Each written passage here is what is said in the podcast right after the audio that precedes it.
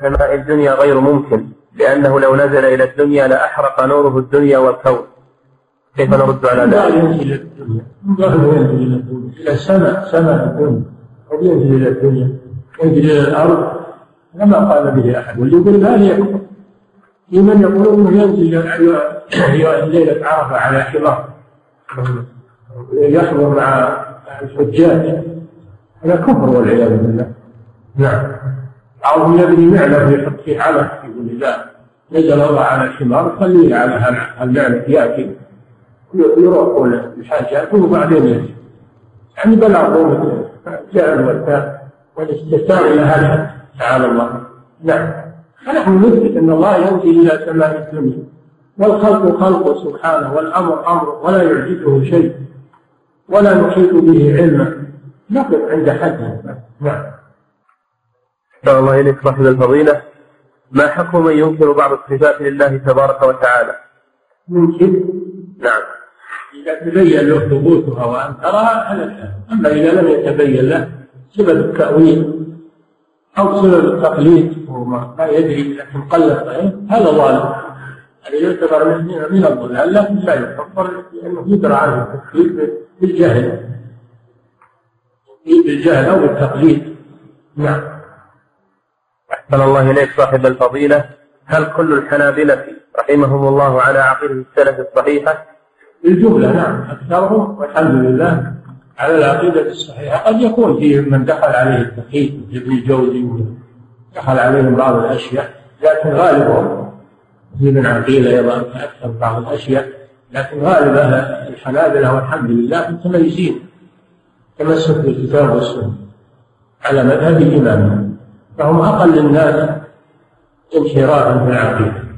ولا فيهم نفس الحركة نعم أحسن الله إليك صاحب الفضيلة. شخص يقول لو أن الأئمة الأربعة أحياء لغيروا كثيرا من فتاويهم فما رأي فضيلتكم في هذا الشخص وفي كلامه؟ شدري يعلم ثم لا يحكم على الغير يقول على الناس ما لا يعلم. نعم. أحسن الله إليكم صاحب الفضيلة.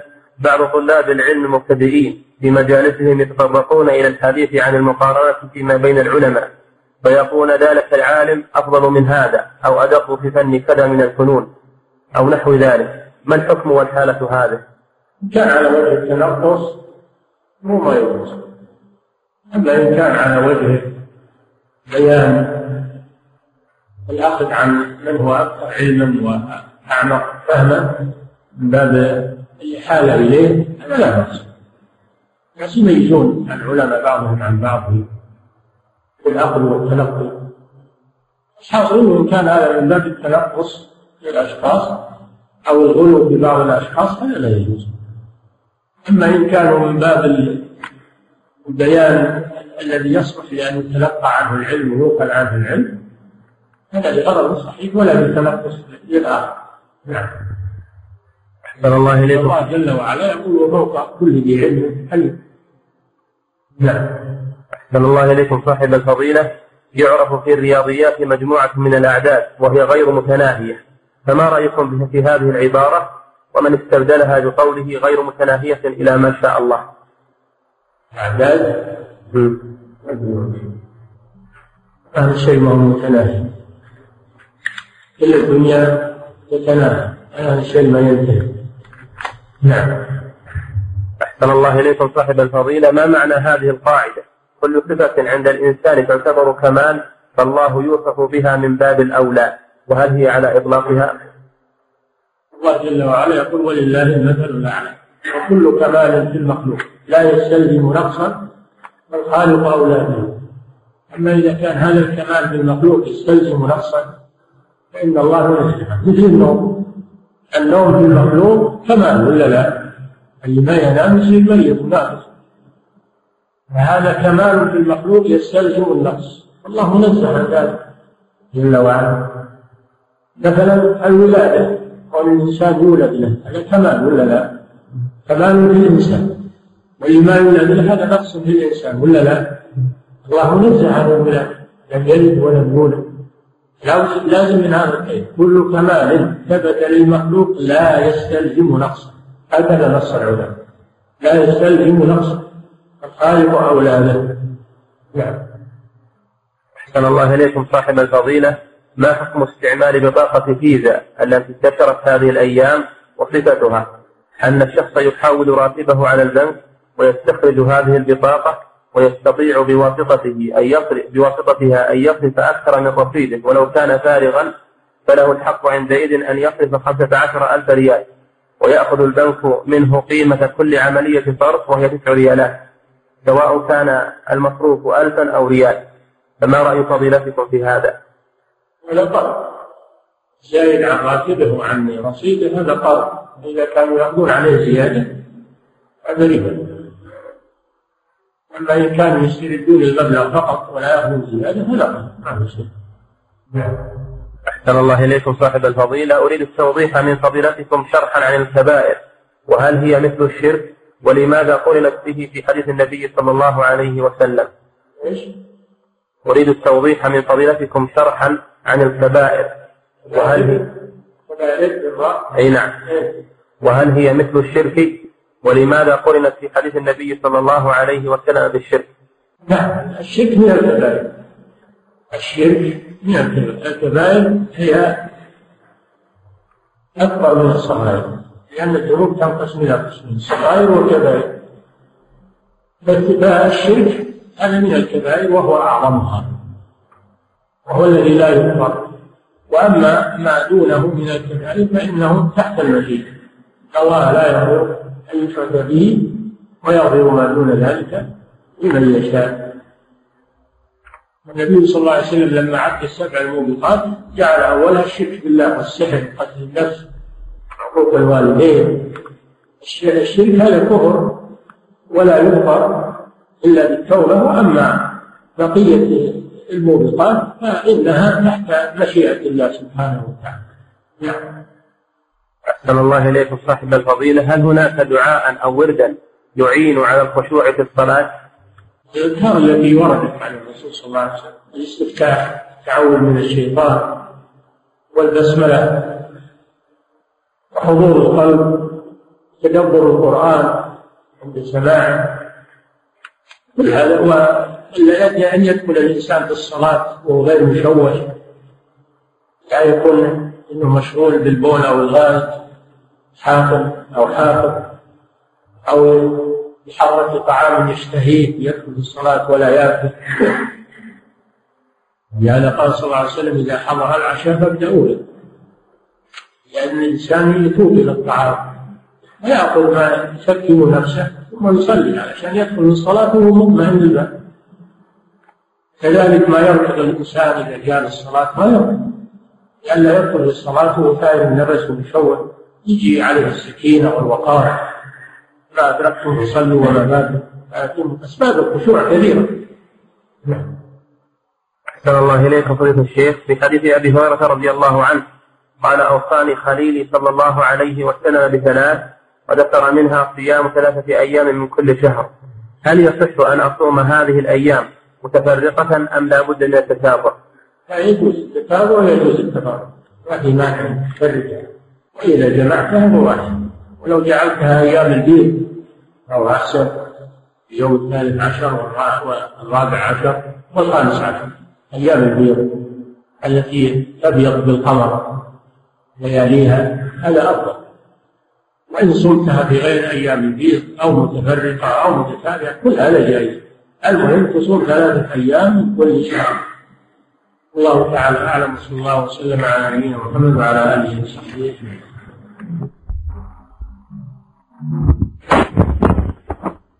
بسم الله الرحمن الرحيم.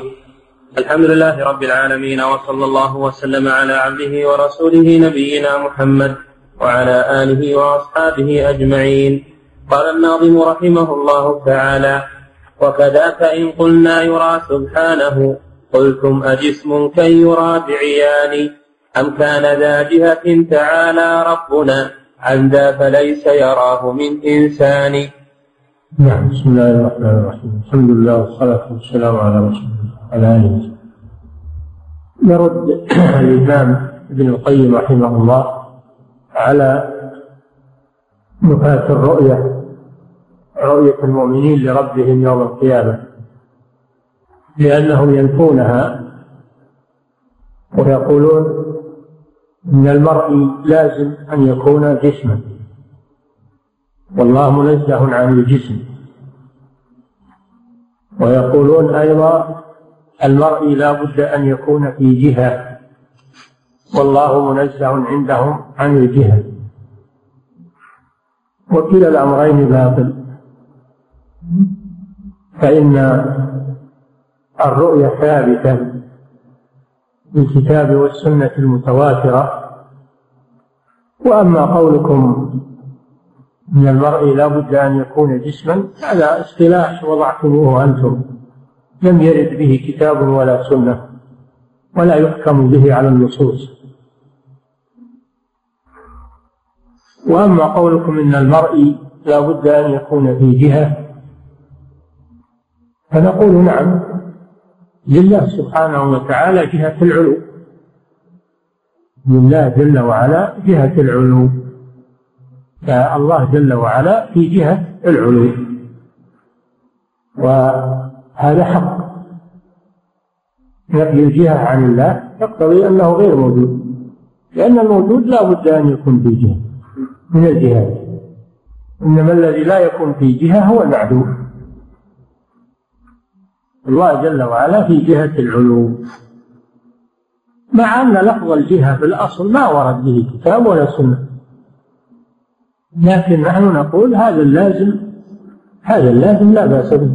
هذا حق. والله جل وعلا يوصف بأنه في جهة العلو أشار النبي صلى الله عليه وسلم إلى جهة العلو وأشارت الجارية التي سألها أين الله إلى جهة العلو وأقرها على ذلك وقال إنها مؤمنة فلا يهمنا مخرقتكم وشبهاتكم التي تريدون أن أن أن تقابلوها بنصوص الكتاب والسنة. فهي مردودة عليكم. ونحن نثبت ما جاء في الكتاب والسنة لأنه حق. الكتاب والسنة ما جاء إلا بالحق وللحق. نعم. أما إذا قلنا له وجه كما في النص أو قلنا كذاك يدان. وكذاك إن قلنا كما في النص إن القلب بين أصابع الرحمن. نعم. إذا أثبتنا الوجه لله كما جاء جل عنه جل وعلا فيبقى وجه ربك بالجلال والإكرام تبارك ويبقى وجه ربك كل شيء هالك إلا وجهه. حجابه النور لو كشفه لأحرقت سبحات وجهه. ما انتهى إليه بشره بصره من خلقه جاء في الكتاب والسنة إثبات الوجه لله. أما كونكم تنفون هذا تقولون هذا الوجه لا يكون إلا لجسم فيلزم التجسيم نحن نقول هذا اللفظ الذي جئتم به هذا مصطلح عندكم مصطلح عندكم وهو غير موجود في الكتاب ولا في السنة لا نفيه ولا إثباته إنما هو اصطلاح وضعتموه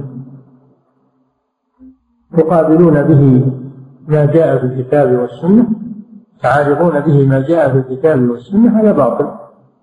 نثبت الوجه لله ونثبت اليدين لله ونثبت الصفات الذاتية لله عز وجل.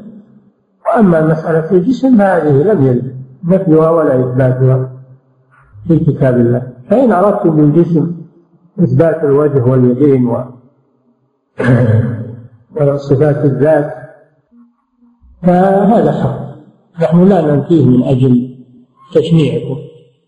وإن أردتم بالجسم ما هو مخلوق هذا ننفي عن الله سبحانه وتعالى. كذلك قوله صلى الله عليه وسلم قلوب العباد بين أصبعين من أصابع الرحمن أثبت النبي صلى الله عليه وسلم الأصابع لله. أن تقولون لا ذات الأصابع يقتضي الجسمية نقول هذا رأيكم لكن هذا قول الرسول صلى الله عليه وسلم. ذات الأصابع لله عز وجل فنحن نثبته ولا نتأثر بقولكم من هذا التجسيد نقول نحن نثبت ما ثبت لله بالكتاب والسنة. أما لفظ التجسيد فهذا اختلاف من عندكم. وأما قوله صلى الله عليه وسلم بين أصبعين بين ليس معنى ذلك أن أصابع الرحمن ملتصقة بقلب الإنسان. فإن بين تطلق ولا يلزم من ذلك الالتصاق. السحاب المسخر بين السماء والأرض. السحاب ليس ملتصقا بالسماء ولا بالأرض إنما هو بينهما. في مسافة بين السحاب وبين السماء. مسافة بين السحاب وبين الأرض. هذا في المخلوقات كيف بالخالق سبحانه وتعالى. تقول مثلا الرياض بين الخلف والقصير. يلزم من هذا إن الخلف ملتصق بالرياض وان القصير ملتصق بالرياض بينهما مسافات ومسيرة أيام بالرواحل. فلا يلزم من البينية الملاصقة كما تقولون. نعم.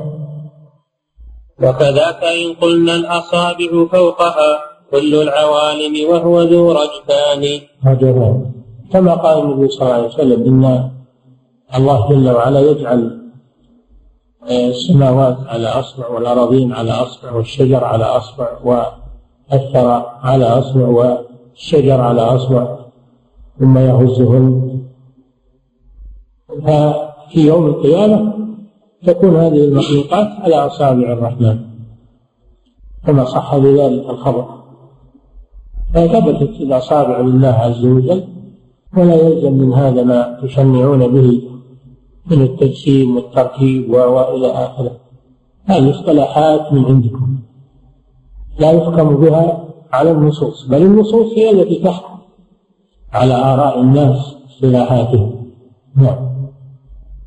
وكذاك إن قلنا الأصابع فوقها كل العوالم وهي ذو رجفان وكذاك إن قلنا يداه لأرضه وسمائه في الحشر قابضتان. كما في قوله تعالى والأرض قبضته يوم القيامة والسماوات مطويات بيمينه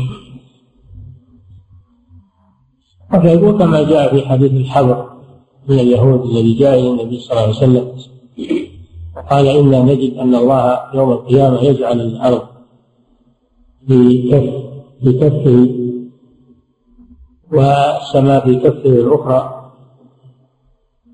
فضحك النبي صلى الله عليه وسلم حتى بدت تواجده تصديقا لقول الحبر فأنزل الله هذه الآية ما قدر الله حق قدره والأرض جميعا قبضته يوم القيامة والسماوات مطويات بيمينه نحن نثبت هذا نثبت اليدين لله عز وجل وأن الله يقدر بهما السماوات والأرض ويطوي السماوات والأرض بيديه سبحانه وتعالى. وعلى كل شيء قدير. السماوات والأرض مخلوقات من مخلوقاته. تصرف فيها كيف يشاء. وهو أعظم من كل شيء. أعظم من السماوات وأعظم من الأرض وأعظم من كل شيء. فلا يعجزه شيء سبحانه وتعالى. نعم.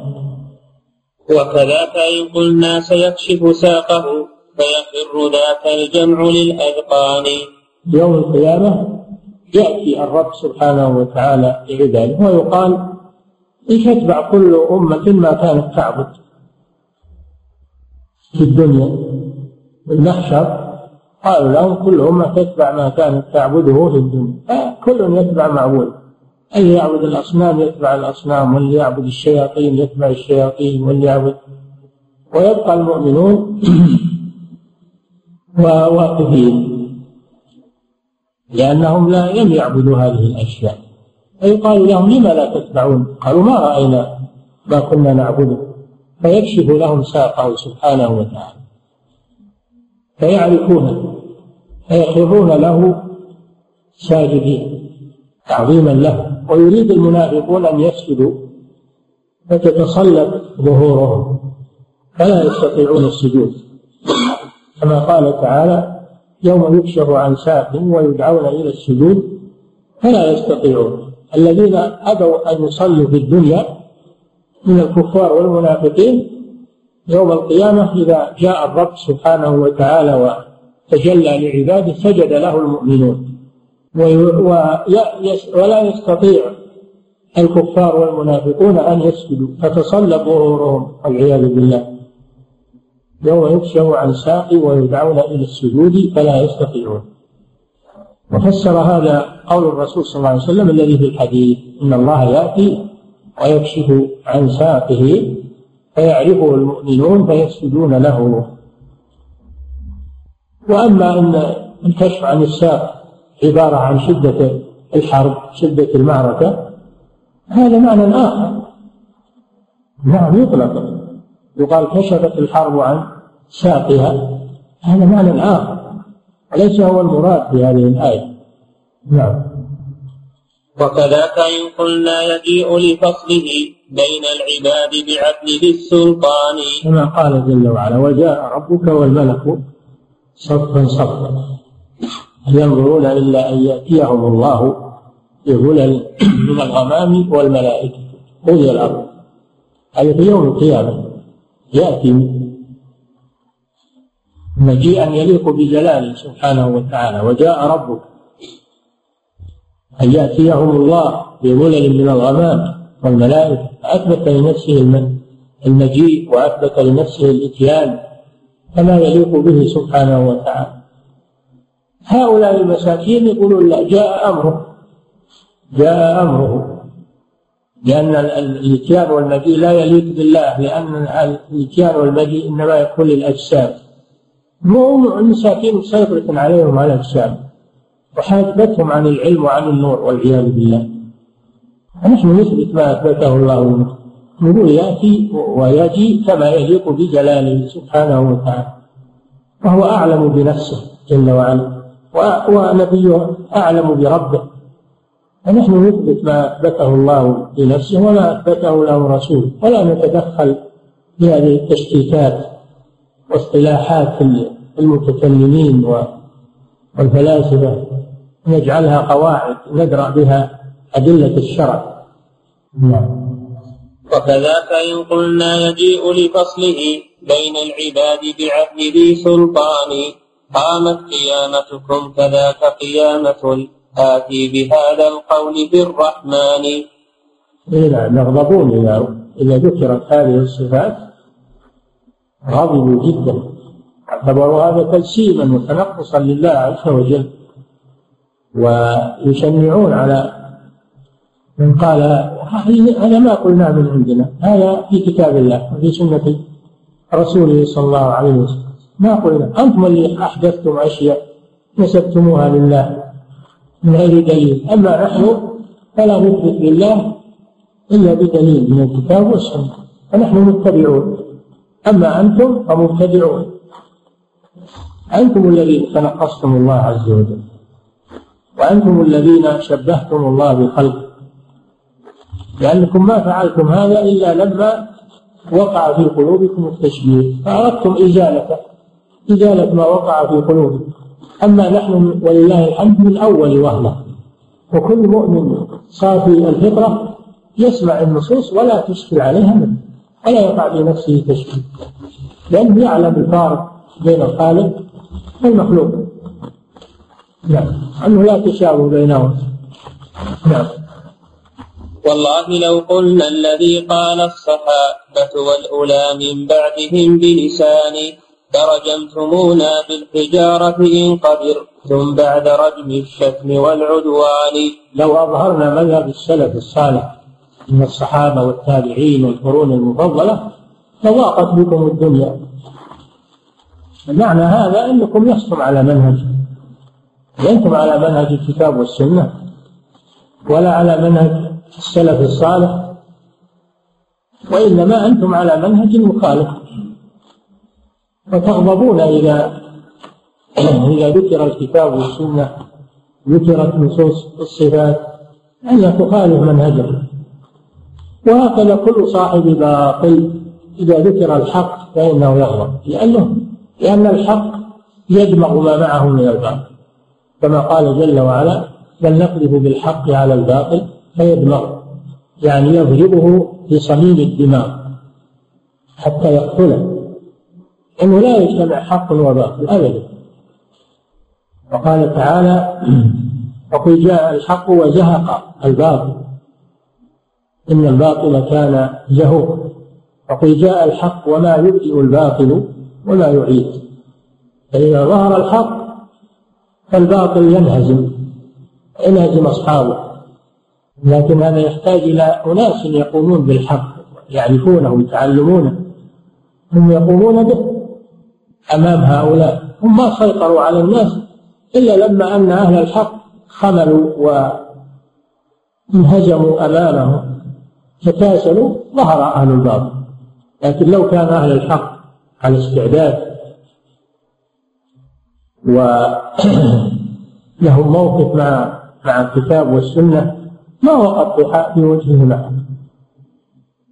نعم. والله قد كفرتم من قال بعض مقالهم يا أمة العدوان. كفرتم من قال ببعض قول الصحابة. فكيف لو قال بكل قول الصحابة؟ نعم. وجعلتم الجسم الذي قدرتم بطلانه طاغوت ذا البطلان. نعم. هذا الجسم اللي صار سلاح بأيديكم تدفعون به النصوص هذا طاغوت. لأن كل ما يعارض الكتاب والسنة فهو طاغوت. فالجسم صار طاغوت. كما أن القانون الذي يحكم به بين الناس طاغوت. تحاكمون إلى الطاغوت. نعم. ووضعتم للجسم معنى غير معروف به في وضع كل لسان. أي جسم يقول شيخ الإسلام ما جاء لا في الكتاب ولا في السنة. وإنما الذي جاء في الكتاب لفظ آه الجسد. لفظ الجسد. وما جعلناهم جسدا لا يأكلون الطعام. جاء لفظ الجسد. وما جاء لفظ الجسم لا في كتاب ولا في سنة. نعم. ووضعتم للجسم معنى غير معروف به في وضع كل لسان. بجميع اللغات. هذا الجسم ما هو موجود في جميع اللغات. إلا لغة علماء الكلام. فهو اصطلاح اصطلحوا ووضعه لهم أشياخهم وجعلوه قاعدة يدفعون به الكتاب والسنة. نعم. وبنيتم نفي الصفات عليه فاجتمعت لكم إذ ذاك محذوران. محذور القول على الله بلا علم. حيث أثبتتم هذا الجسم وهو لم يرد في كتاب الله ولا في سنة. ومحذورنا في أسماء الله وصفاته. اجتمع لكم محذوران الكذب والضلال. نعم. وبنيتم نفي الصفات عليه فاجتمعت لكم إذ ذاك محذوران كذب على لغة الرسول ونفيه إثبات العلو لفاقر الأكوان. المحذور الأول الكذب. لأن هذا ما هو في لغة الرسول صلى الله عليه وسلم. ولا هو موجود في لغة العرب لفظ الجسم. إنما الموجود لفظ آه الجسد. ما جعلناهم جسدا لا يأكلون الطعام وما كانوا خالدين هذا الموجود الجسد فهو بالجسم نعم. والمحذور الثاني أنكم نفيتم أسماء الله وصفاته بناء على هذه القاعدة الباطله هذه أشد. نعم. وركبتم إذ ذاك تحريفين تحريف الحديث ومحكم القرآن. تحريفين يعني لما رأيتم أن النصوص من الكتاب والسنة تتعارض مع هذا الجسم الذي وضعتموه ماذا تعملون؟ لجأتم إلى تحريف تحريف نصوص الكتاب والسنة حتى تتوافق مع مصطلحكم فقلتم المراد بالوجه الذات والمراد باليد القدرة والمراد بالكلام خلق الكلام باب المجاز والمراد كذا وكذا يعني اضطررتم إلى التحريف. تحريف المعنوي والتحريف اللفظي. حتى استوى قلتم استولى هذا تحريف لفظي. جبتم لام في كتاب الله عز وجل. جبتم لاما في كتاب الله. استولى اللام زائدة من عندكم نعم. وكسبتم وزرين وزر النفي والتحريف فاجتمعت لكم كفلان. عليكم وزران وزر التحريف لكتاب الله وسنة رسوله تحريف اللفظ وتحريف المعنى ووزر النفي نفي الأسماء والصفات. نفيتم ما أثبته الله وما أثبته الرسول صلى الله عليه وسلم. نعم. وعداكم أجران أجر الصدق والإيمان حتى فاتكم حظان. فاتكم الأجران أجر الصدق وعدم الكذب على الله وعلى رسوله. وأجر الإيمان وهو إثبات ما جاء عن الله ورسوله والإيمان به غير اعتراض على كلام الله كلام رسوله صلى الله عليه وسلم. الواجب التسليم. الواجب التسليم وأن تعتقد أنه حق. حتى لو لم يظهر لك معناه أو أشكل عليك معناه اتهم نفسك اتهم فهمك. لا تتهم كلام الله وكلام الرسول صلى الله عليه وسلم بالقصور وعدم البيان. بل اتهم فهمك. نعم. وكسبتم مقتين مقت إلهكم والمؤمنين فنالكم مقتان. بغض المقت هو البغض. كسبتم البغضين بغض الله بغض الله جل وعلا لكم وبغض الخلق المؤمنين لكم. نعم. فهم مزدرون محتقرون مبغضون أمام الله وأمام المؤمنين. الدنيا والآخرة. نعم. ولبستم ثوبين ثوب الجهل والظلم القبيح فبئست الثوبان. ثوب الجهل والجهل عدم العلم. أنتم لا تتصفون بالعلم لأنكم لا لا تلتفتون إلى كتاب الله وسنة رسوله وتتفقهون فيهما وإنما همكم تعلم قواعد المنطق وكلام النظار والاشتغال بهما. بنيتم عقائدكم على دراسة هذه المصطلحات. هذا هذا شغلكم. أما أهل الإيمان فإنهم اشتغلوا بكتاب الله وبسنة رسوله صلى الله عليه وسلم. فصرتم أنتم أهل الجهل لأنكم لم تتعلموا ما في كتاب الله ولا في سنة رسوله. وأما هذه الاصطلاحات هذه جهل ما هي بعلم؟ هذه جهليات ليست علما. والثاني ثوب الظلم حيث إنكم ظلمتم أنفسكم وحملتموها ما لم تتحمل. من القول على الله بلا علم ومن نفي أسمائه وصفاته. نعم. والظلم وضع الشيء في غير موضعه الظلم وضع الشيء في غير موضعه ووضعتم النصوص في غير موضعها اللائق بها؟ نعم. وتخذتم طرزين طرز الكبر والتيه العظيم فبئس في الطرزان. تزينتم. الطرزان التزين. تزينتم بالعجب والغرور والعياذ بالله. وبئس هذا التزين. التزين الصحيح هو زينة الإيمان. ولكن الله حبب إليكم الإيمان وزينه في قلوبكم الزينة الصحيحة زينة الإيمان واليقين وزينة العلم الشرعي. هل هذه الزينة الصحيحة العلم والعمل. هذه هي الزينة الصحيحة أما أنتم لا عندكم علم صحيح ولا عمل. نعم وإنما عندكم تزوير. تزين بالتزوير. الباطل. نعم. ومددتم نحو العلا باعين لكن لم تطل منكم لها الباعان. أردتم المعالي ومددتم أيديكم لها لكن لم تدركوها. لم تدركوا العلا. لأنكم لم تأخذوا بالأسباب الصحيحة التي تعلو بكم إلى الكمال وإلى الرفعة. فقصرت أبواعكم عن المعالي التي نالها أهل الإيمان. نعم. وأتيتموها من سوى أبوابها لكن تسورتم من الحيطان. ما أتيتم العلم من بابه وإنما أتيتم العلم من ظهوره. الله جل وعلا يقول وليس البر أن تأتوا البيوت من ظهورها ولكن البر من اتقى وأتوا البيوت من أبوابها. هذه عامة قاعدة قرآنية.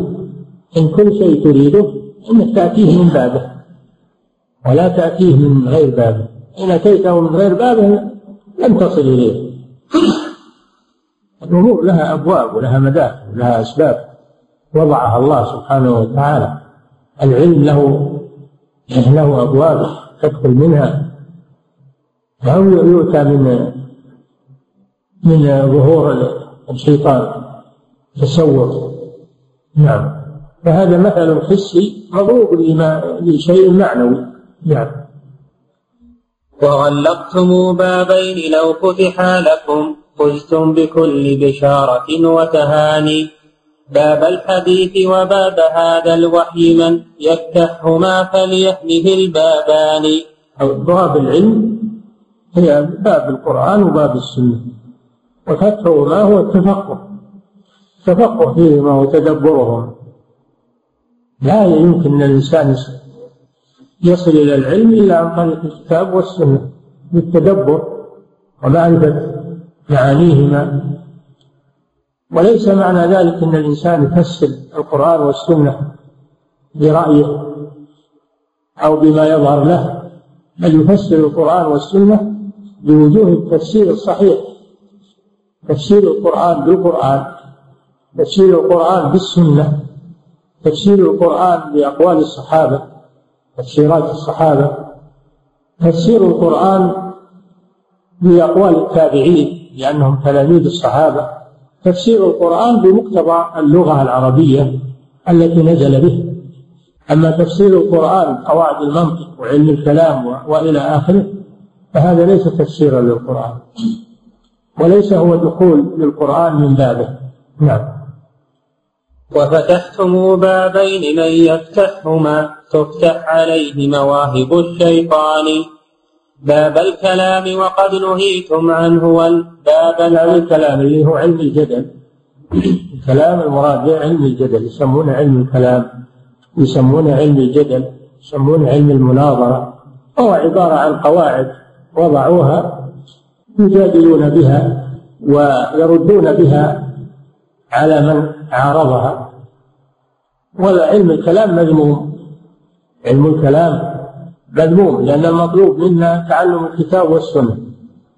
ليس المطلوب منا تعلم علم الكلام وقواعد المنطق. لأنها ضلال ولا تؤدي إلى نتيجة صحيحة. ولهذا يقول الإمام الشافعي رحمه الله حكمي في أهل الكلام أن يطاف بهم في البلاد وأن يضرب بالجريد والنعال ويقال هذا جزاء من أعرض عن الكتاب والسنة واشتغل بعلم الكلام. وما زال السلف يحذرون من علم الكلام على أن الإنسان يتعلم على أنه علم ويستعمله بالدليل هذا ممنوع حرام. أما أن الإنسان يتعلم علشان يتصوره من أجل الرد على أصحابه هذا شيء محمود. طيب. حتى تستطيع أن ترد عليهم من من اصطلاحاتهم. كما فعل شيخ الإسلام ابن تيمية رحمه الله في رده عليهم.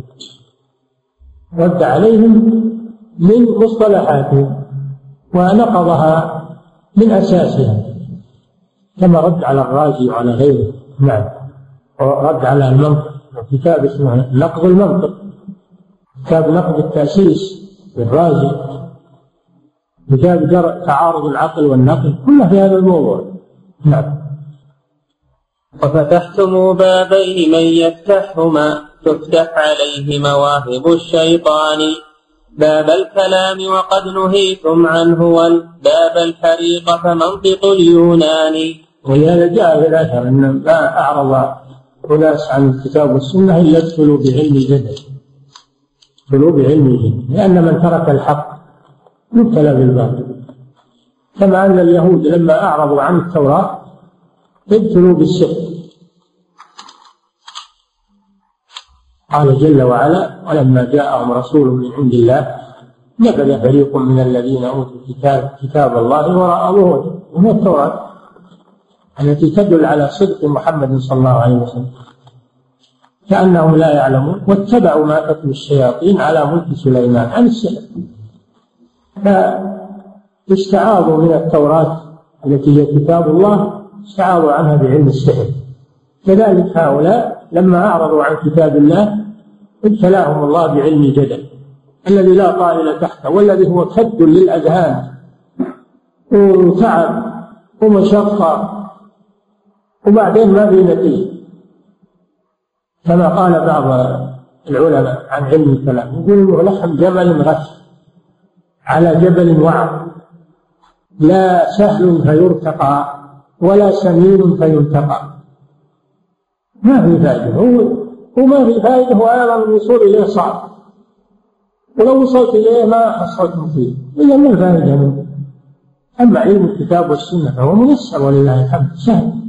لقد يسرنا القرآن للذكر فهل من مدة؟ الكتاب والسنة يسرهم الله لمن أقبل عليهما وتعلم. يتنور الإنسان منهما بالعلم النافع. نعم. فدخلتم دارين دار الجهل في الدنيا ودار الخزي في النيران. عشتم في دار الدنيا على الجهل لا على الإيمان. شغلتم وقتكم بهذا العلم الباطل. وفي الآخرة تدخلون نار جهنم. لأنكم دخلتم إلى الآخرة وليس معكم إيمان. ضيعتم دنياكم بالجدل والمنطق والعقائد الباطلة. هذا المصير لهم والعياذ بالله. وهذا الذي صوره رحمه الله بهذه الأبيات هذا هو عين الحقيقة في واقعهم والعياذ بالله. لو كانوا يعقلون. ولكن فيه تحذير لغيرهم إنه يسلك مسلكه. لأن في من يدعو الآن إلى تعلم علم المنطق وعلم الكلام ويقول هذا هو العلم الصحيح وهذا هذا هو علم العقل وعلم أما الكتاب والسنة. يقول هذه أدلة سمعية والأحاديث هذه أحاديث آحاد ولا تفيد العلم. والقرآن حمال معاني ما يعني يسمونه حمال معاني. يعني ما تدري وش المراد منه. هكذا يجاهدون في الكتاب والسنة. لكن قواعد المنطق عندهم مضبوطة. وعقليات جيدة لا يحثون على تعلمه ولذلك عقائدهم التي تدرس الآن في معاهدهم وفي جامعاتهم كلها من هذا كلها من علم المنطق وعلم الجدل. نعم. وطعمتم لونين لون الشك والتشكيك بعد فبئست اللونان. إيه، طعم هذه العلوم هو الشك والعياذ بالله. هو التشكيك تشكيك الناس. أنتم في أنفسكم شاكين وأيضا تشككون الناس في علم الكتاب والسنة. يقولون ما القرآن يحتمل عدة معاني والسنة طريقة ما ندري عنه أخبار آحاد وهي ظنية ولا تفيد العلم لكن المضبوط واللي يفيد العلم هو علم المنطق وعلم الكلام. هذا هذا قوله بأفواههم وفي كتبهم المطبوعة الآن والمتداولة واللي تدرس في مدارسهم لا حول ولا قوة إلا بالله. هذا هذه بلية المسلمين. هذه هي بلية المسلمين. يكون به الأعداء. وعلم المنطق وعلم الكلام هذا جاي من الأعداء. من اليونان ومن آه ومن أشباههم من بلاد الكفر. نعم. استجلبناه وصرنا نشتغل به. ومن فتح الباب على المسلمين إلا لما عربت الكتب الرومية في عهد المأمون. الذي فتح على المسلمين باب شر. والله يتولاه بما يستحق. فتح على المسلمين باب الشر. لأنه جلب كتب الرومان وكتب ذا ووضع له دار يسميها دار الحكمة ووضع فيها مترجمين وترجموها للناس ومن ذاك الوقت والمسلمون يعانون من البلاء ولم يبقى إلا أهل الحق وأهل السنة. ويقال أنه لما طلب الكتب من من الرومان ومن اليونان عارض بعضهم ومانع في إرساله. فقال عقلاهم لا أرسلوها هذه ما دخلت بلاد إلا وأفسدتها أرسلوا لهم هذه الكتب. فصارت غزوا وسلاحا. لا حول ولا قوة إلا بالله. نعم. وركبتم أمرين كم قد أهلكا من أمة في سالف الأزمان. نعم. تقديم آراء الرجال على الذي قال الرسول ومحكم القرآن. والثاني نسبتهم إلى الألغاز والتلبيس والتدليس والكتمان. إيه نعم يقولون العلم هذا علم المنطق هذا هو العلم الصحيح وهو آه الذي يفيد اليقين. أما الكتاب والسنة هي ألغاز عبارة عن ألغاز لأنها تحمل عدة معاني ولا يدرك المقصود بها ولأنها تصف الرب بأشياء لا تليق به والمراد غير ما يظهر منها. المراد بها غير ما يظهر منها. فهي ألغاز جعل الكتاب والسنة ألغاز. وأن الله أنزل أحاجي وألغازا يبتلي بها العباد. هذا وصفهم للقرآن والسنة إنها ألغاز وأحاجي. والناس ما يعرفون معناها. ومعنى هذا أن القرآن والسنة لم ينزلا للهداية. وإنما نزلا لتضليل الناس وامتحانهم نعم. ومكرتم مكرين لو تما لكم لتفصمت فينا عرى الإيمان. أطفأتم نور الكتاب وسنة الهادي بذا التحريف والهديان. مكرتم مكرين والمكر هو عمل الباطل بخفية. عمل الباطل المكر من البشر يعني. عمل الباطل بخفية وبحيل ماكرة هم عملوا هذا في كتاب الله وفي سنة رسوله. لو أنه حملهم مكرهم لم عزل الكتاب والسنة نهائيا. ولكن الله جل وعلا قيض لكتابه ولسنة رسوله من يقوم بهما ويدعو إليهما ولم يتأثر بهذه المذاهب الباطلة. أبقى الله بقية من الأهل العلم يدعون إلى كتاب الله وسنة رسوله ويحذرون من هذه الغارات التي أثارها هؤلاء. فلذلك بقي الكتاب والسنة وبقيت جعاجعهم بأيديهم والحمد لله. ولم يتأثر الكتاب والسنة ولم يتأثر أهل الإيمان بهذه هذا المكر والخداع. وذلك تصديقا لقوله تعالى إنا نحن نزلنا الذكر وإنا له لحافظون ولقوله صلى الله عليه وسلم لا تزال طائفة من أمتي على الحق ظاهرين لا يضرهم من خذلهم ولا من خالفهم. حتى يأتي أمر الله تبارك وتعالى. الله يبقي للحق من يقوم به. وإن كان أكثر الناس على ضده وعلى لكن من حكمته سبحانه أنه يبقي للحق بقية. تحافظ عليه. وتنشر بين الناس بين حين وآخر. ويبعث الله مجددين لهذا الدين بين حين وآخر. يجددونه للناس ويردون الناس إلى السنة ويخرجونهم من البدعة هذه حكمة الله سبحانه وتعالى. نعم. لكنكم أوقدتم للحرب نارا بين طائفتين مختلفان والله مطفيها بألسنة الأولى قد خصهم بالعلم والإيمان. يريدون أن يطفئوا نور الله بأفواههم ويأبى الله إلا أن يتم نوره. ولو كره الكافرون هو الذي أرسل رسوله بالهدى ودين الحق ليظهره على الدين كله ولو كره المشركون. في الآية الأخرى يريدون ليطفئوا نور الله بأفواههم. والله متم نوره. ولو كره الكافرون هو الذي أرسل رسوله بالهدى ودين الحق ليظهره على الدين كله ولو كره المشركون.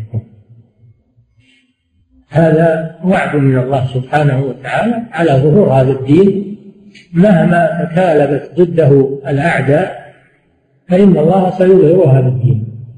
على أيدي رجال لا تأخذهم في الله لومة لائم يا أيها الذين آمنوا من يرتد منكم عن دينه فسوف يأتي الله بقوم يحبهم ويحبونه. أذلة على المؤمنين أعزة على الكافرين. يجاهدون في سبيل الله ولا يخافون لومة لائم ذلك فضل الله يؤتيه من يشاء. والله ذو الفضل العظيم. وإن تتولوا يستبدل قوما غيركم ثم لا يكونوا أمثال. الله حافظ دينه وناصر دينه. فإذا تولى عنه قوم أبدلهم الله بقوم آخرين. نعم. والله لو غرق المجسم في دم التجسيم من قدم إلى الآذان فالنص أعظم عنده وأجل قدرا أن يعارضه بقول فلان. يعني مهما عيرتم أهل الإثبات في التجسيم وأجمعتم على ذمهم فإن هذا لا يصرفهم عن الحق ولا يعدلهم عن الحق. بل يتمسكون به؟ نعم صحيح أن يتأثر بعض الناس أو ينخدع بعض الناس لكن ما هو كله يبقى للحق بقية. في كل زمان وفي كل مكان ولو واحد ولو واحد يبقى وهذا الواحد يكون له تلاميذ وأتباع ثم ينتشر الحق بإذن الله. نعم.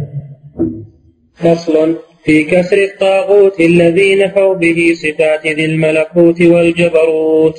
نعم. الطاغوت ولما ذكر أن آفتهم علتهم هي التجسيد القول بالتجسيد. وأن هذا اللفظ والمصطلح اتخذوه سلاحا ضد النصوص وضد أهل الإيمان. سماه طاغوتا لأن الطاغوت مشتق من الطغيان وهو مجاوزة الحد. طغيان وهو مجاوزة الحد. وهو يطلق على أشياء كثيرة.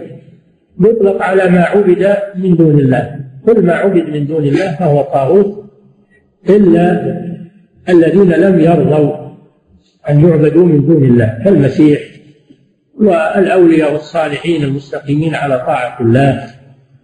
هؤلاء لا يقال لهم طواغيت لكن عبادتهم عبادة الناس لهم هذه هي الطاغوت. أما نفس الشخص الذي هو من الأنبياء أو من الصالحين هذا لا يسمى طاغوتا لأنه لم يرضى بعبادة غير الله عز وجل بل كان في حياته يحذر من هذا. فلما مات عبدوه هذا لا يضره. هذا لا يضره شيئا لأنه نهى عن ذلك في حياته. أما من عبد وهو راض بذلك فهو طاغوت. وكذلك الأشجار والأحجار والجمادات والقبور كلها تسمى عبادتها تسمى الطاغوت عبادة الطاغوت فكل ما عبد من دون الله راضيا بعبادة الله فإنه يكون طاغوتا. وكذلك يطلق الطاغوت على من حكم بغير ما أنزل الله. قال الله سبحانه ألم تر إلى الذين يزعمون أنهم آمنوا بما أنزل إليك وما أنزل من قبلك يريدون أن يتحاكموا إلى الطاغوت.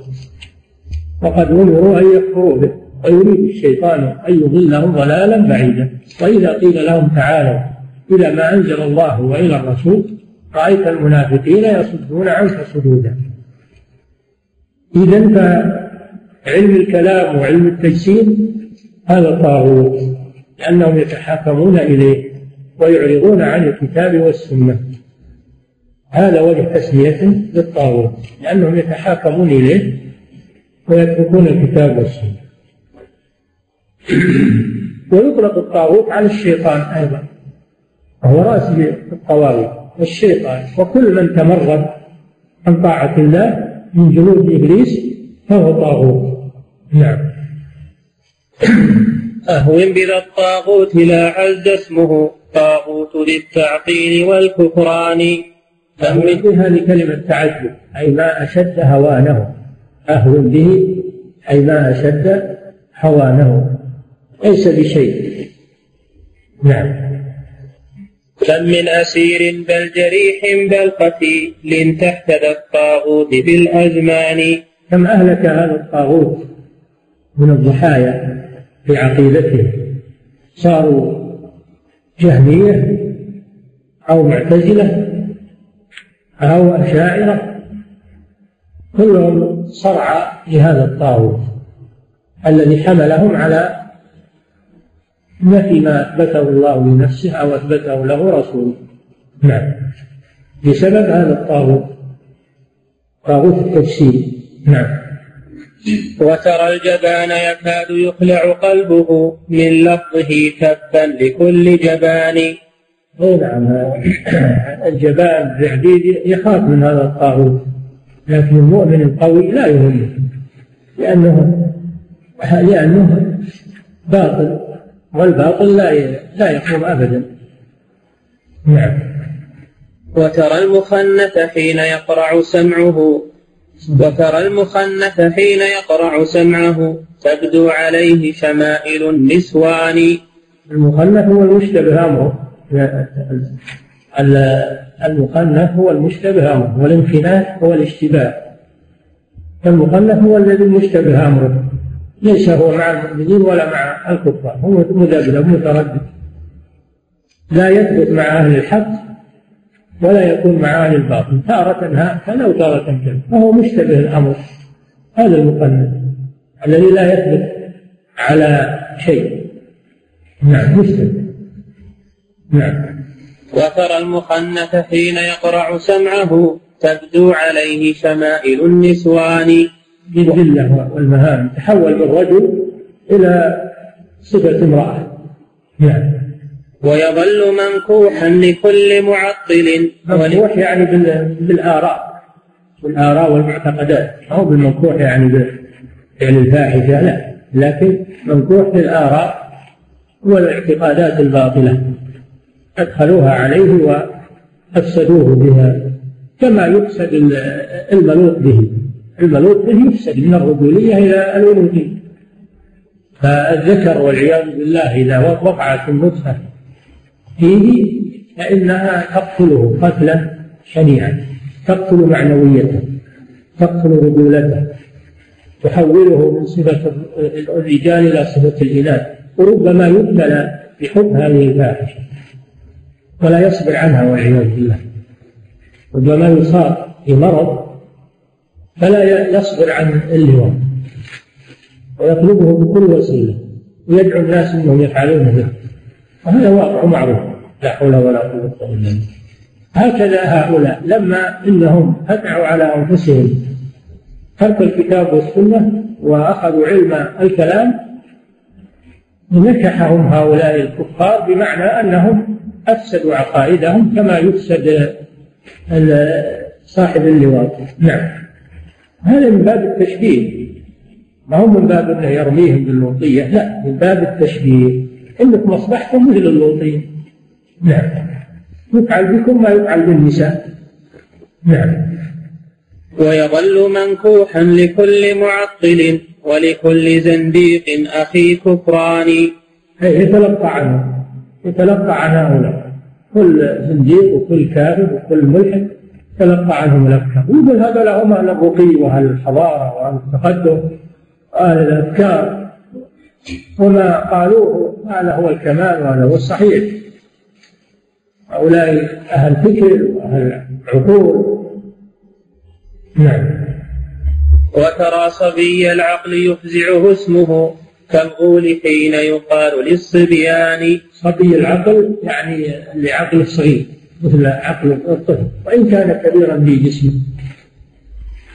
هو صبي في عقله وليس صبيا في جسمه.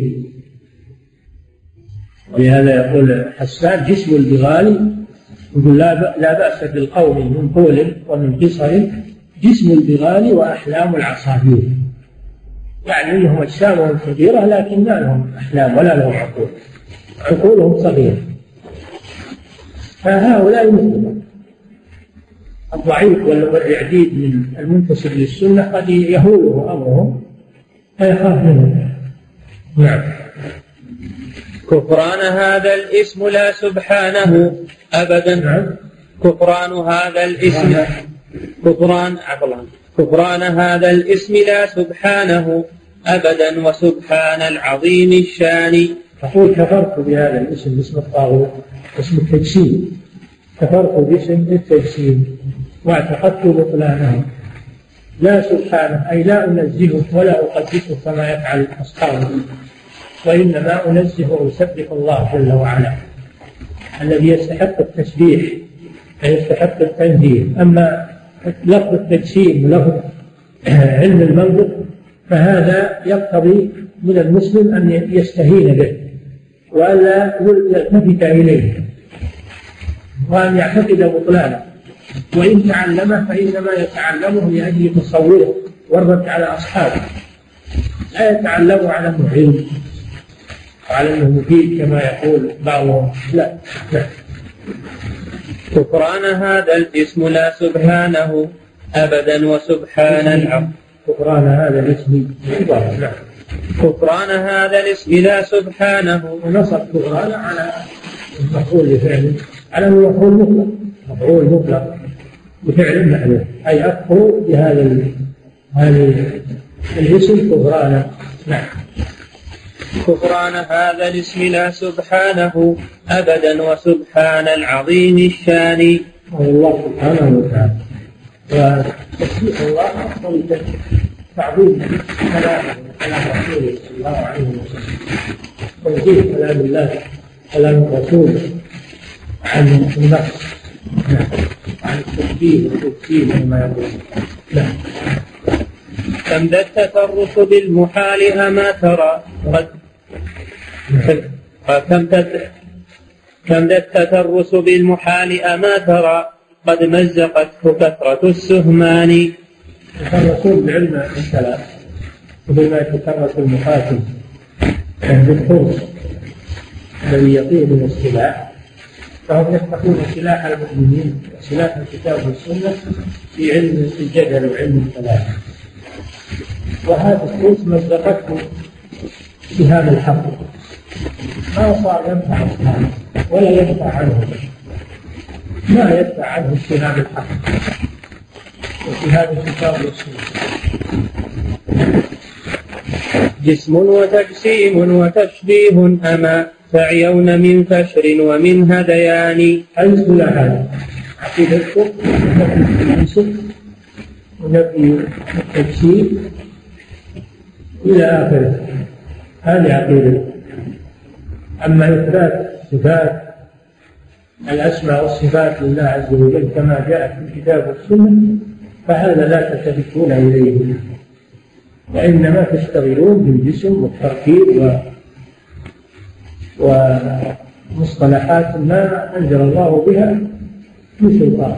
تدرسون أولادكم مسلمين تبنون عليها مناهج مدارسكم تتركون الكتاب والسنة. لأن عندكم ظواهر لفظية لا تفيد العلم عندكم نعم.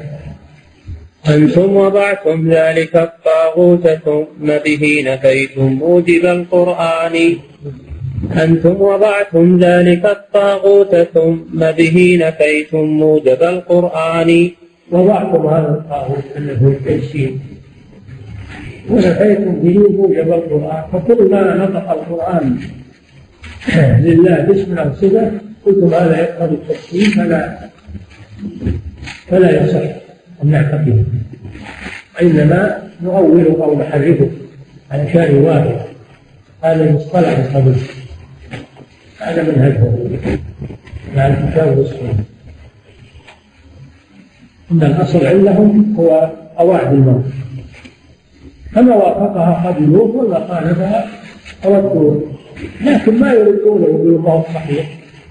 بل يحرفونه ويؤولونه فهم يردونه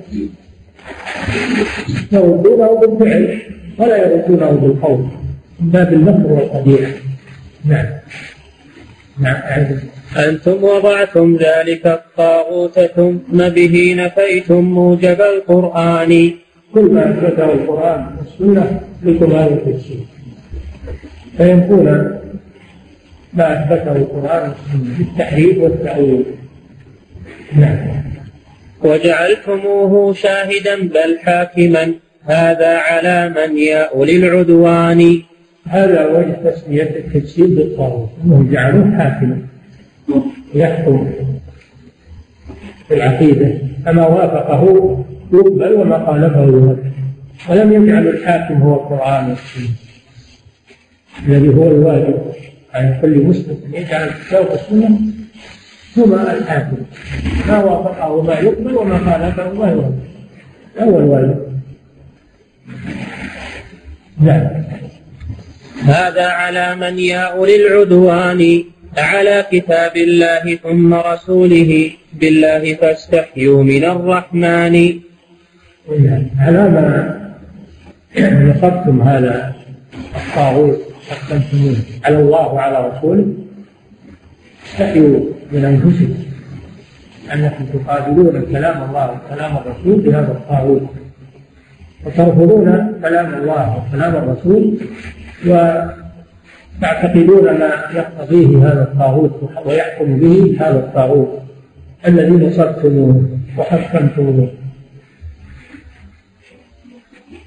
كما قال الله جل وعلا في قول إبراهيم تعبدون ما تنحتون والله خلقكم وما تعبدون. هم وضعوه وهم حكمون نعم. فقضاؤه بالجور والعدوان مثل قيامه بالزور والعدوان. قضى هذا الحاكم اللي هو الطاغوت بالجور والظلم. ما يقضي بالحق. والله يقضي بالحق والذين يدعون من دونه لا يقضون بالشيء الله هو السميع البصير. القضاء قضاء الله ورسوله. أما قضاء غير الله وغير رسوله فهو قضاء باطل ليس بشيء. نعم. وقيامه بالزور مثل قضائه بالجور والعدوان والبهتان. هو كله زور الزور هو الباطل والكذب الزور هو الكذب. شهادة الزور يعني شهادة الكذب. وسميت زورا من التزوير وهو التزوير وهو تزيين الشيء وتحسينه وتزويقه حتى يقبل لو عرض الباطل مفضوحا ومكشوفا ما قبلها واحد. لكن يزورونه بأشياء من المحسنات الخادعة. وفي قوله سبحانه وتعالى شياطين الإنس والجن يوحي بعضهم إلى بعض. زخرف القول غرورا الشاعر يقول في زخرف القول تزيين لباطله والحق قد يعتريه بسوء تعبيره فتزويد الألفاظ أحيانا تقلب الحق باطلا والباطل حق. كما قال النبي صلى الله عليه وسلم وإن من البيان لسحرا نعم. الفضيلة ذكر شيخ الإسلام أن لفظ الجسم ورد في القرآن في قوله تعالى وإذا رأيتهم تعجبك أجسامهم. وقوله تعالى وزاده بسطة في العلم والجسم فهل الذي نفاه شيخ الإسلام إطلاق الجسم على الله في القرآن أم ماذا؟ المخلوق هذا وارد في القرآن لكن إطلاقه على الله. أن تنزيه الله عن الجسم هذا ما جاء في القرآن. ما جاء في القرآن تنزيه الله عن الجسم. نعم. أحسن الله إليك. صاحب الفضيلة ما رأي فضيلتكم في أهل بلد الصوفية الذين خرجت في هذه الأوان الأخيرة؟ وما ترون هل أبلغ؟ نعم. يقول ما رأي فضيلتكم في أهل البلد الصوفية التي خرجت في هذه الآن أخيرة؟ بلد الصوفية؟ الصوفية ظاهرة من قديم ما توقف قصد الصوفية في هذه البلاد. إن كان قصد الصوفية في هذه البلاد؟ وهو يعلم عنها يبلغ عنها. أما إذا كانت في بلاد أخرى فهي في عقر دارها من الأصل. نعم. لكن عليك بمعرفة الحق واعتقاد الحق والدعوة إلى الله عز وجل. على بصيرة هذا الواجب. أما يكون تعلم أن هناك جماعة صوفية في هذا البلد بلد أهل السنة والجماعة هوى متكونة عليك بالمبادرة بالتبليغ عنها. نعم. أحسن الله إليك صاحب الفضيلة. كيف يجمع بين كلام أهل السنة الأوائل في النهي عن تعلم المنطق والفلسفة وبين من ينص على تعلم أصول الفقه مع أن كثيرا من كتب أصول الفقه فيها الشيء الكثير من قواعد المناطق في المتكلمين؟ ناخذ ما فيها من حق. كتب الأصول ناخذ ما فيها من حق. ونترك ما فيها من خطأ. أو معناه لما دخلها اصطلاحات أهل المنطق أننا نتركها ونفهم مما فيها من حق. ندرسها. ونميز ما فيها من حق. فنقبله وما فيها من باطل فنرده. نعم. أحسن الله إليك صاحب الفضيلة. هل المقام المحمود هو إجلاس النبي صلى الله عليه وسلم مع الرب فوق العرش؟ لأنه قد ورد في ذلك التفسير. نعم ورد بهذا هذا. نوع نوع من المقام المحمود. المشهور أن المقام المحمود الشفاعة العظمى. ولا يمنع هذا أن يكون هناك شيء آخر أيضا يكرم الله به رسوله صلى الله عليه وسلم إذا صح إذا صح به الدليل. نعم. أحسن الله إليك صاحب الفضيلة. ما رأيك في من يقول إن القرآن الكريم قطعي الثبوت وليس بقطعي المعنى؟ هذا كلام باطل. كلام باطل. القرآن قطعي الثبوت وقطعي الدلالة. بلا شك يعني كلام الله سبحانه وتعالى. لكن كونك أنت يقصر فهمك ولا تفهم مراد الله جل وعلا ما هو ينسب إلى القرآن ينسب إلى أفهام الناس وأفهام القاصرين. اتهم فهمك. ولا تتهم كتاب الله سبحانه وتعالى. بأنه ظني الدلالة. نعم. صلى الله هذا الظن من عندك هذا الظن حصل عندك أنت. أما كلام الله في حد ذاته فهو قطعي الدلالة لكن أنت لم تهتدي إلى هذا. نعم. صلى الله إليك صاحب الفضيلة قد ثبت أن لله ساقا وفي أثر ابن عباس رضي الله تعالى عنهما إن الكرسي هو موضع قدمي الرب. هل هناك جمع بينهما؟ نثبت هذا نعم. نثبت أن لله ساقا وأن لله قدمين جاء أن الله يضع في النار يوم القيامة إذا دخلها أهل النار وبقي فيها شيء يضع فيها رجلة سبحانه وتعالى حتى ينزوي بعضها إلى بعض. ثبت لله الرجل والقدم والساق ثابت لله. نحن نثبته كما جاء ونعتقد الفرق بين ساق المخلوق وقدم المخلوق ورجل المخلوق وبين ما ثبت لله عز وجل في سائر صفاته. نعم من اللي قال إن الساق خاصة بالمخلوق؟ أو قال إن الرجل خاصة بالمخلوق؟ يعني بس لأنك لم تشاهدها إلا بالمخلوق؟ لا يدل على إن ما تكون لغير المخلوق. نعم أنا قلت لكم إن السبب في هذا قصور الفهم. إذا قصر فهم الإنسان نسب هذا إلى القرآن. وقال القرآن لا يفيد اليقين أنت اللي ما عندك يقين. القرآن يفيد اليقين. نعم. أحسن الله إليكم صاحب الفضيلة. سمعنا أن الشر الذي ابتلي به المسلمون بسبب دخول كتب اليونان لم يقتصر على المأمون على المأمون واليونان وإنما شاركهم المترجمون لأنهم خليط بين أعاجم وكفار. فهل هذا صحيح؟ نعم وكل من أعان على الباطل يناله شيء. ينال المترجمين لكن أصل أصل الفتنة هو المأمون هو الذي فتح هذا الباب على الناس. والمأمون خليفة عباسي ومن بيت النبوة ورجل ذكي وقوي ولكن سبب مخالطة مخالطته لأهل الاعتزال أثروا عليه. هذا من سوء البطانة ولا الرجل أصله طيب وأصله أصلي ما في كلام. لكن البطانة التي جلست عنده هي التي أثرت عليه وهي التي ألقت في فكر هذه الأشياء. نعم. على كل حال المأمون له سيئة له هذا السوء ولكنه مؤمن. نرجو له نرجو له من الله المغفرة بإيمانه لكن هو حصل فتح على الناس باب الشر نعم. أحسن الله إليك صح هو معناه أن الكفر المأمون؟ لا أنت لكن نقول أنه فتح على الناس باب شر والله يكفي المسلمين هذا الشر ويغفر لهذا المؤمن ما حصل منه ولكن السبب في هذا البطانة الخبيثة التي عنده. نعم. أحسن الله إليك صاحب الفضيلة. ما رأيكم في من يقول إن القرآن لا يعالج فيه إلا الأمراض النفسية؟ حيث يقول إن علاج القرآن للأمراض العضوية من باب الدجل والشعوذة. وهذا نشر في إحدى المجلات. القرآن شفاء شفاء للعقول من العقائد الباطلة والأوهام والشكوك شفاء للقلوب وشفاء للأبدان من الأمراض الحسية والأمراض المعنوية. اللي يقول أن القرآن إنما هو شفاء من الأمراض المعنوية فقط من الأشياء العضوية. هذا كذاب ولا يعرف القرآن تماما. نعم. أحسن الله إليكم صاحب الفضيلة. ماذا يعني قوله تعالى؟ طه. الرسول صلى الله عليه وسلم يقرأ على المريض. أليس المرض مرض عضوي؟ يقرأ على المريض. ويقرأ على المصاب بالجنون المخبئ الذي في عقله جنون يقرأ على على المصاب في عقله والمصاب في جسمه. نعم. لأن الله سماه شفاء ومبارك. كتاب أنزلناه إليك مبارك. هو مبارك وفيه شفاء من كل من كل داء بإذن الله عز وجل. نعم.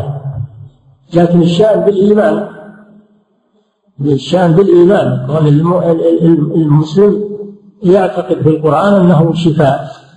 أما إذا أنه استعمل القرآن في الرقية هو شاك ولا يقول يمكن ما يصلح أو ترى ما يستفيد. لازم يكون عند استعمال الرقية معه إيمان وتصديق بأن القرآن شفاء كما سماه الله عز وجل؟ شفاء لما في الصدور؟ من القلوب وشفاء للأبدان؟ وشفاء من كل داء بإذن الله عز وجل. نعم. أحسن الله إليكم صاحب الفضيلة. ماذا يعني قوله تعالى طه؟ أرجو التفصيل. طه حروف مقطعة. حروف مقطعة. طاء وهاء ياسين كذلك يا وسين حروف مقطعة. أما من يدعو من, أسماء الرسول اسمه طه أو اسمه ياسين هذا غلط. ما هو باسمه طه ولا اسمه ياسين. هذه حروف مقطعة. نعم. أحسن الله إليكم صاحب الفضيلة. أرجو منكم إيضاح الحق لي في هل في الكتاب والسنة مجاز أم لا؟ كلام الله حقيقة. المجاز هذا في اللغة العربية. اللغة العربية ممكن فيها مجاز لأنه كلام البشر أما كلام الله جل وعلا فكله حقيقة وليس فيه مجاز. هذا هو الصواب. نعم. لأن لو فتحنا هذا الباب وقلنا القرآن فيه مجاز صار هذا مجال لنفاة الصفات. يقولون إذا نفاة إذا الصفات مجاز. نحن نقول لا كلام الله كله حقيقة وليس فيه مجاز. وإن جاز المجاز في اللغة العربية فهو لا يجوز في القرآن. لأن ما كل ما جاز في اللغة العربية يجوز في القرآن. نعم. أحسن الله إليك صاحب الفضيلة. إني أحبك في الله وسؤالي ينتشر بين الناس قولهم الناس بالناس والكل بالله. فما رأيكم بهذه المقالة؟ لا بأس. الناس بالناس يعني تعاون أن الناس يعين بعضهم بعضا والجميع بالله عز وجل لا حول ولا قوة إلا بالله. نعم. هذا كلام لا لا مأيور فيه. نعم. أحسن الله إليك صاحب الفضيلة. يقول ورد في بعض كتب العقائد بأن الله يقعد بأن الله يقعد على العرش. ما مدى صحة هذه الكلمة؟ الذي جاء وثبت في القرآن استوى على العرش. فنحن نثبت استوى على العرش. نثبت استوى على العرش. وأما أنه يقعد هذا يحتاج إلى دليل صحيح؟ نعم. أو يجلس يقعد أو يجلس. هذا يحتاج إلى دليل. فما أثبته الله لنفسه أثبتنا. وما لم يثبت فنحن لا نقول به بحق الله جل وعلا. نعم. أحسن الله إليك صاحب الفضيلة. قد ذكرتم بطلان علم الكلام وعلم المنطق. وهل كتاب بلال القرآن سيد قطب داخل في هذا الباب أم لا؟ ما ما ما فيه شيء من علم المنطق. كتاب سيد قطب فيما أعلم ما في شيء من علم المنطق. لكن فيه نفي الصفات. بناء على مذهب الأشاعرة فيه نفي الصفات وفيه كلام في الحلول أو الاتحاد وفيه سوء سوء تعبير في حق القرآن في قوله إنه له جرس وله كذا وله إيقاعات له مثل إيقاعات الغناء كلها تعبيرات سيئة. والرجل ليس عالما إنما هو أديب. فهو كتب في معنى القرآن بأسلوب أدبي على ما اعتاده هو ولم يمشي على منهج التفسير المعروف لأنه ليس بعالم. نعم. وليس كتابه تفسيرا للقرآن وله مرجع من مراجع التفسير. نعم. أحسن الله إليك صاحب الفضيلة على حديث إن الله خلق آدم على صورته. هل نقول معناه أن لله يدين وخمسة أصابع وقدمين وعينين كما أن للمخلوق يدين وخمسة أصابع وقدمين وعينين. نثبت الصورة لله عز وجل ولا نتعدى هذا. أما الأصابع واليدين والوجه هذه ثبتت بأدلة أخرى. أما هذا الحديث لا نثبت إلا ما فيه فقط. ذات الصورة لله عز وجل. نعم. صلى الله إليك. يقول كيف نجمع بين الخوف من مكر الله وحسن الظن بالله؟ نعم. كيف نجمع بين الخوف من مكر الله وحسن الظن بالله؟ هذا هو عقيدة المسلم الجمع بينهما أنه يحسن الظن بالله ويخاف من الله.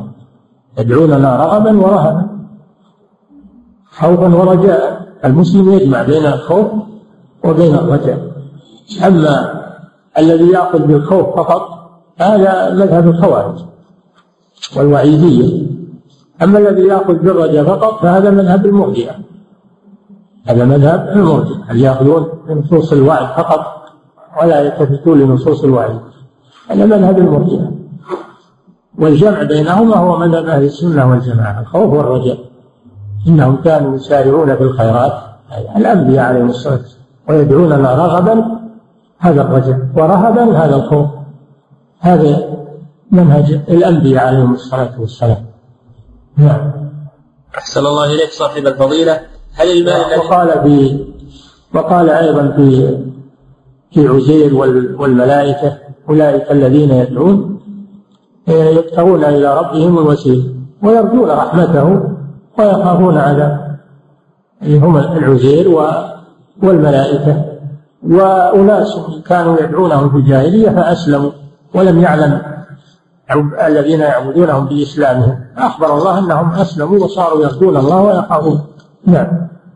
أحسن الله إليك صاحب الفضيلة. المال الذي أغلبه محرم وبلغ النصاب وحال عليه الحول هل به زكاة؟ وما الحكم لو كان جميع المال محرم؟ هذا باطل ولا يتملك. الزكاة إنما تجب في الملك وهذا ليس مملوكا لأحد هذا باطل.